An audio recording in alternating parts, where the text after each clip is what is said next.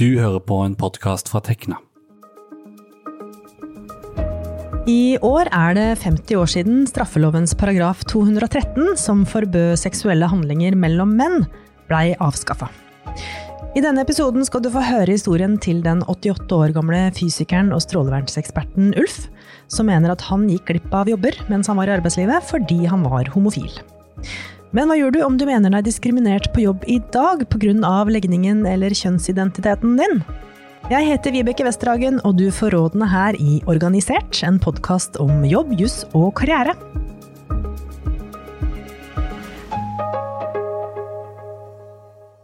Fysikeren Ulf Tveten på 87 år opplevde stigmaen med å være homofil på 60-tallet. Han jobbet i en underavdeling av NASA med å lage et kjernefysisk romfartøy da han fikk beskjeden om at hans tid var forbi. Da jeg hadde jobbet eh, der i Sacramento i et ett års tid, så skulle jeg liksom videre i prosjektet på en måte. Jeg vet ikke akkurat med hva. Og jeg trengte da en høyere sikkerhetsklarering fra Washington. Og det ble søkt, og det ble avslått. Og de gir jo ingen begrunnelse for hvorfor. Men jeg er ganske overbevist om at de da mistenkte at jeg var homofil. Og det var da basert på at jeg ikke var gift. At jeg hadde reist veldig mye. Det var veldig skummelt i USA på den tiden. Det var litt av historien til eh, Ulf Tveten, som er et levende vitne på hvordan det en gang var, og han skal vi høre mer fra om litt. I dag sitter du her med meg i studio, Anette Moldrem, juridisk rådgiver i Tekna og ekspert på diskriminering i arbeidslivet. Velkommen hit. Tusen takk. Det er altså 50 år siden den såkalte homoparagrafen, som sa at man kunne bli fengsla i inntil et år ved homofile handlinger, ble fjerna. For 50 år siden så snakka man jo altså bare om homofile menn, fordi man rett og slett ikke anerkjente mangfoldet, og heller ikke kvinners eh, seksualitet. I dag har iallfall anerkjennelsen av mangfoldet blitt bedre, da, men kan du si noe om hvordan personer som eh, ja, kan sies å bryte med normene for kjønn og seksualitet, har det i arbeidslivet i dag? Hva sier statistikkene? Det kan jeg. Eh, ting har jo blitt veldig mye bedre siden 1972, men det er jo fremdeles en vei å gå. Forskning antyder jo at negativ atferd og kommentarer rettet mot denne gruppa fremdeles er relativt utbredt i arbeidslivet. Mm. Og ifølge livskvalitetsundersøkelsen fra Statistisk sentralbyrå fra 2020, så er det sånn at andelen ikke-heterofile som har opplevd diskriminering det siste året, er nesten dobbelt så høy som blant heterofile. Og ei gruppe som er spesielt utsatt, er transpersoner. Mm. Holdningene har jo beira seg, men det er fremdeles sånn at én av ti menn oppgir at de ikke vil jobbe sammen med en transperson. Og Undersøkelser viser òg at, at, transpersoner er de som opplever mest diskriminering, f.eks. i forbindelse med jobbsøking og på arbeidsplassen. Når det gjelder hele denne gruppa, så er det jo sånn at de er mer utsatt for hatytringer. Og i en rapport fra 2019 så kom det frem at én av fire har opplevd hatytringer i løpet av ett år. Og ikke overraskende så viste jo denne rapporten at eh, de var mest utsatt for hatytringer på nett, men som en god nummer to kom arbeidsplassen. Ja, det er jo ganske sjokkerende, egentlig. Ja, jeg tenker det. Står det noe om altså, hva slags type hatytringer er det man prater om? Vet vi noe om det, eller? Ja, det kan jo være at sånne som du er en belastning for eh, samfunnet. Ja. Eller at du hører ikke hjemme her. Eller rett og slett bare at du er ekkel. Ja. Så mm -hmm. det er ganske Eh, harde ord. Mm. Men dette er jo ikke lov.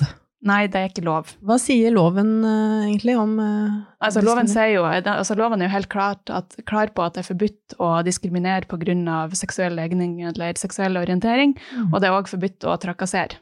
Mm. Um, så, så, så, lovverket er jo, er jo, klart her. Og det er òg mm. forbudt med hatytringer. Det, straff, det står det jo òg om i straffeloven. Mm.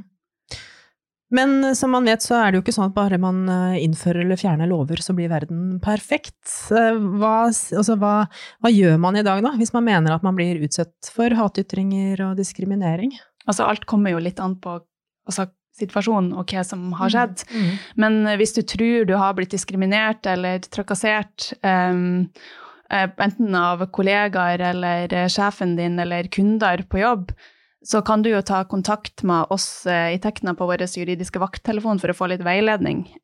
Men ofte, hvis det er snakk om på jobb, så vil det jo være sånn at å si fra til lederen sin er den første veien å gå. Mm. Um, Hvis det ikke er lederen da, som Ja. trakasserer. Ja, og da, og da kan det jo være. Og, og hvis det er lederen din som du mener diskriminerer det eller trakasserer det, så tenker jeg at det kan være lurt å ta en titt på rutinene som finnes på arbeidsplassen. Fordi at eh, de aller fleste arbeidsplasser har rutiner for hvordan man eh, bør gå fram i en sånn her type situasjon. Og da er det gjerne sånn at, altså at det står hvem man skal snakke med, Mm. eh, hvis det er sånn at det er leder som, eh, som diskriminerer eller trakasserer. Mm. Men også kan man bruke type verneombud, Ja, ja, ja. Man kan, man kan snakke med tillitsvalgt eller verneombud. For de har taushetsplikt, eller? Ja, ja. De har taushetsplikt mm. om uh, situasjonen. Ja. Um, og jeg tenker jo at det er viktig å si ifra mm. uh, hvis, man, eh, hvis man opplever noe sånt på jobb. Og, Mm. og hvis det nå ikke er sånn at det er lederen din eh, som trakasserer deg, så er det jo sånn at eh, lederen din har plikt til å ta tak i det her eh, og, og ta tak i situasjonen. Mm. eh, og eh, undersøke hva som har skjedd, og, og eh, ta denne saken mm. videre. Um, Mm. Det kan jo sikkert føles ganske ubehagelig. Og man kan sikkert være litt redd for at det skal tulle til andre forhold på jobben, kanskje? Forholdet mellom folk. Ja, ja, det, det er jo klart. eh, Det Mm. å ta opp en sånn her type sak på arbeidsplassen er jo en belastning. eh, Og derfor tenker jeg, som du var inne på, at, man, at det kan være lurt å snakke med tillitsvalgt eller verneombud, eller noen av oss Tekna, sånn at du har noen med på laget ditt som kan, som kan trygge deg og hjelpe deg Mm. gjennom denne prosessen. Mm. Um, og det er jo som mange saker, men òg altså hvis det f.eks. er snakk om trakassering, så er jo det saker som mange tilfeller kan være vanskelig å, å bevise. Um, og eh, det, jo, det er jo òg en belastning. Mm. Kan det gå så langt at man tar det til retten? Ja, eh, det, det kan det jo, men vi ser eh, Det er ikke så veldig ofte at sånne her type saker kommer, kommer opp i domstolene, men det finnes et lavterskeltilbud Mm. eh, som heter Diskrimineringsnemnda, Mm. hvor, eh, sak, hvor enkeltpersoner kan ta inn saken sin og få vurdert om det har skjedd eh, brudd på loven eller ikke. Mm. Eh, og eh, innenfor sak, saker som gjelder arbeidslivet, så kan eh, nemnda tilkjenne oppreisning og erstatning hvis de kommer til at det har skjedd brudd på loven. Mm. Og i ytterste konsekvens så kanskje man rett og slett ikke ønsker å jobbe på en sånn sted hvis man ikke tar det seriøst der, eller ikke blir møtt på en god måte. Nei, det er vel, jeg tenker jo at og ganske ofte så er det jo det som skjer, Mm. at uh, arbeidsplasser mister ansatte. Mm. For de vil ikke jobbe på arbeidsplasser der uh, de ikke Nei, har det bra på grunn av det her. Ikke. Ja. Mm. Da skal vi høre om da Ulf Tveten eh, kom tilbake til Norge i 70-åra, og hvordan han måtte skjule seg bak en tradisjonell familiesituasjon, og om hvordan det var da han jobba med Tsjernobyl. Etter flere år i USA så dro han hjem til Norge. Ulf Tveten kjente på samfunnspresset med å skaffe seg kone, barn og hus, men levde likevel det homofile livet på siden. Han kjente flere personer som ble straffet av politiet av homofilparagrafen, men merket ikke dette selv da han levde i skjul. Han fortsatte å jobbe med strålevern, og med sin ekspertise så ble han en meget viktig person da det smalt i Tsjernobyl noen år senere. Ja, det fikk jeg vite som eh, noen av de første. Og eh, da fikk vi også vite det at eh, det var nedfall av radioaktivitet i Norge. Og så ble det satt i gang en masse prosjekter som fulgte opp den situasjonen. Og jeg fikk da prosjektlederansvaret for det var vel 20 forskjellige prosjekt som ble gjort i Norge, Danmark, Sverige og Finland, som jeg styrte i mange år fremover da. Og det var jo kjempeinteressant. da. Men det var mye fordi at når jeg da kom tilbake fra USA, så hadde jeg vært involvert i dette her i kjernekraftanlegget på Long Island, hvor den gruppen vår i Boston hadde som ansvar å finne ut hvor farlig var det hvis det var en ulykke ved kjernekraftanlegget. Så da eh, fikk vi rett og slett en masse beregningsverktøy som kunne brukes til det for å beregne spredning i atmosfæren og konsekvenser for befolkning. Og alt dette fikk jeg jo med meg til Norge da jeg reiste tilbake. Så da var det liksom jeg som satt på den kompetansen. Anette Voldrem, jurist i Tekna. Altså det å være åpen eh, eller ikke om legning og kjønnsidentitet på arbeidsplassen, altså har du som jurist noen eh, råd med tanke på de som er sånn usikre på om de kan være seg sjøl på jobb? Altså jeg tenker sånn, hvis du skal ut i din første jobb, eller du skal på et jobbintervju, er det noen, eh, har du noen råd der? Hvilke ja. vurderinger bør man ta før man kommer dit? Ja, altså, for det første så tenker jeg at det her er opp til, deg, til den enkelte sjøl å bestemme om det her er noen mm. ting man vil være åpen om på jobb eller ikke. Men jeg håper jo selvfølgelig at man begynner på en arbeidsplass der det føles trygt å være den man er eh, på jobb. Mm. Um, men hvis du nå begynner og du er usikker på om det er trygt å være åpen, eller ja, rett og slett trenger litt, litt hjelp på, på, på, med det her, så kan du tenke at det beste rådet er å snakke med, snakke med lederen din. Eh, som forhåpentligvis kan trygge deg i denne prosessen. Og mm. lederen din vil jo òg ha taushetsplikt mm. eh, om det du forteller, og kan ikke fortelle deg videre hvis ikke det er sånn at du ønsker det. Eventuelt så kan du jo snakke med en, eh, en kollega, mm. eller Tekna sin tillitsvalgt, hvis mm. det finnes. Mm. Eh, og de kan jo kanskje òg fortelle litt om hvordan, ja, for man vil jo, man vil jo kanskje liksom prøve å gjøre litt research på forhånd. Hvordan eh, hvordan stemninga er på den arbeidsplassen. Det er akkurat det jeg tenker, at mm. her kan det jo være lurt å snakke med eh, tillitsvalgt mm. eller verneombud, som du sa. Mm. Eh, så er det, jo, det, er jo det her òg personer som har taushetsplikt. Ja. Eller så. snakke med noen som kjenner noen som kjenner noen som jobber der allerede, eller ja, hvis man sant? har noen kontakter, mm. kanskje. Det tenker jeg er at kan være lurt. Um, når det gjelder uh, Altså, hvis man skal på jobbintervju og er litt nervøs og bekymra uh, for det her, Eh, så er jo den klare hovedregelen at det her er noen ting det ikke er lov til å stille spørsmål om. Det er ikke lov å stille spørsmål om legning eller kjønnsidentitet på, på intervju. Mm. Den eneste gangen det her kan være lovlig, eh, eller kan være lovlig for en arbeidsgiver å innhente informasjon om eh, samlivsform, er hvis virksomheten har som formål å fremme bestemte livssyn eller religiøse syn, ja. og at den jobben man søker på, vil ha betydning for å gjennomføre det her eh, formålet. Nettopp. Men i så fall eh, så er det sånn at de må opplyse om det i stillingsannonsen. ja. Men da ser man for seg at det er sånn type religiøse miljøer, altså ja. trossamfunn og sånn, da? Det, det, det, ja, det er altså det på en måte For de aller, aller fleste jobbene så vil jo ikke det her være aktuelt. Og som jeg sa, så må det jo òg stå i annonsen, så det skal, komme, kom, det skal ikke komme som noe overraskelse at dette er noe som blir tatt opp. Nei, ikke sant. Du har vært inne på det litt, grann, eh, dette med arbeidsgivers plikter. Altså hva er ansvaret eh, til arbeidsgiver knytta til diskriminering?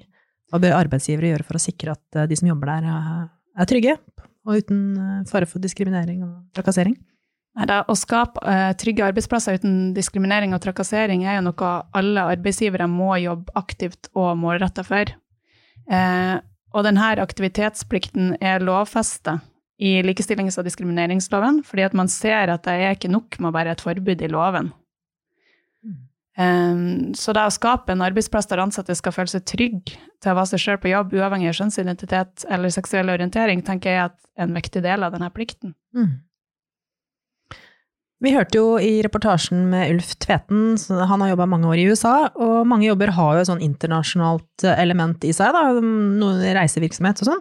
Men flere steder i verden i dag er, jo, er, det jo fortsatt sånn at det er straffbart og rett og slett altså livsfarlig å være homofil. Altså Ifølge Amnesty er homofili kriminalisert fortsatt i 68 land i verden.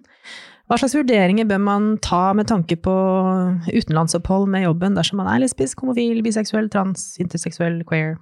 Altså ja, hva, hva, bør man, hva, bør man, ta opp med arbeidsgiveren sin? Nei, altså sånn, Siden verden nå er sånn som den er, så tenker jeg at dette er noe den enkelte har et bevisst forhold til og tenker gjennom eh, sjøl.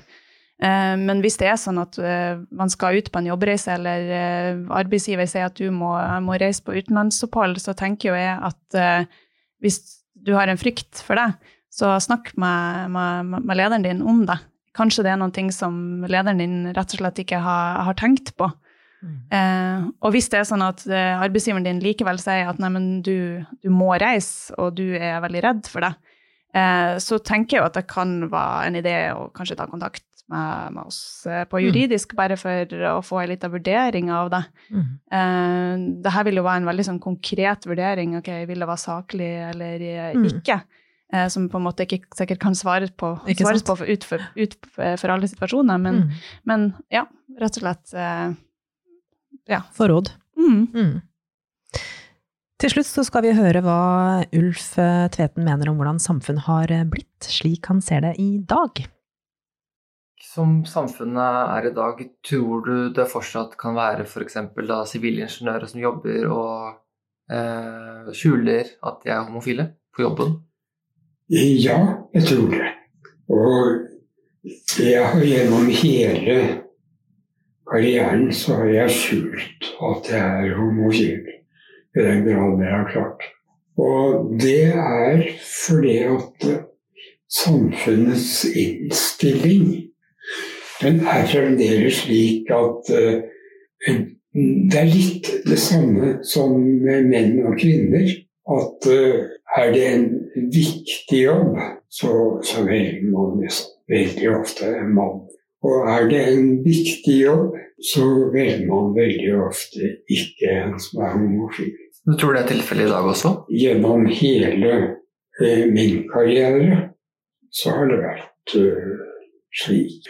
Og ikke minst eh, når aids kom inn i bildet, så jeg skjulte jo fullstendig at jeg var hivpositiv. Og jeg er helt overbevist om at eh, hadde de visst det, så hadde de ikke gitt meg prosjektlederansvar. Da hadde de tenkt at ja, han kan jo det. Det var det vi hadde å by på denne gangen. Tusen takk til deg, Anette Moldrem, juridisk rådgiver i Tekna, og takk til Sondre Tallaksrud som har laget reportasjen med Ulf Tveten. Og til deg som lytter, jeg håper at du har latt deg berøre og fått noen tips og råd som kan bety noe for deg eller noen du kjenner. Vi hører veldig gjerne fra deg om du har tilbakemeldinger eller tips til temaer du ønsker å høre, så send oss veldig gjerne en mail til podkast.krøllalfatekna.no. Tusen takk for at du hørte på. Dette har vært en podkast fra Tekna, en fagforening for deg med mastergrad i naturvitenskap, realfag eller teknologi. Les mer om oss på tekna.no. Programleder var Vibeke Westhagen. reporter Sondre Tallagsrud, og teknisk ansvarlig var Tobias Michel.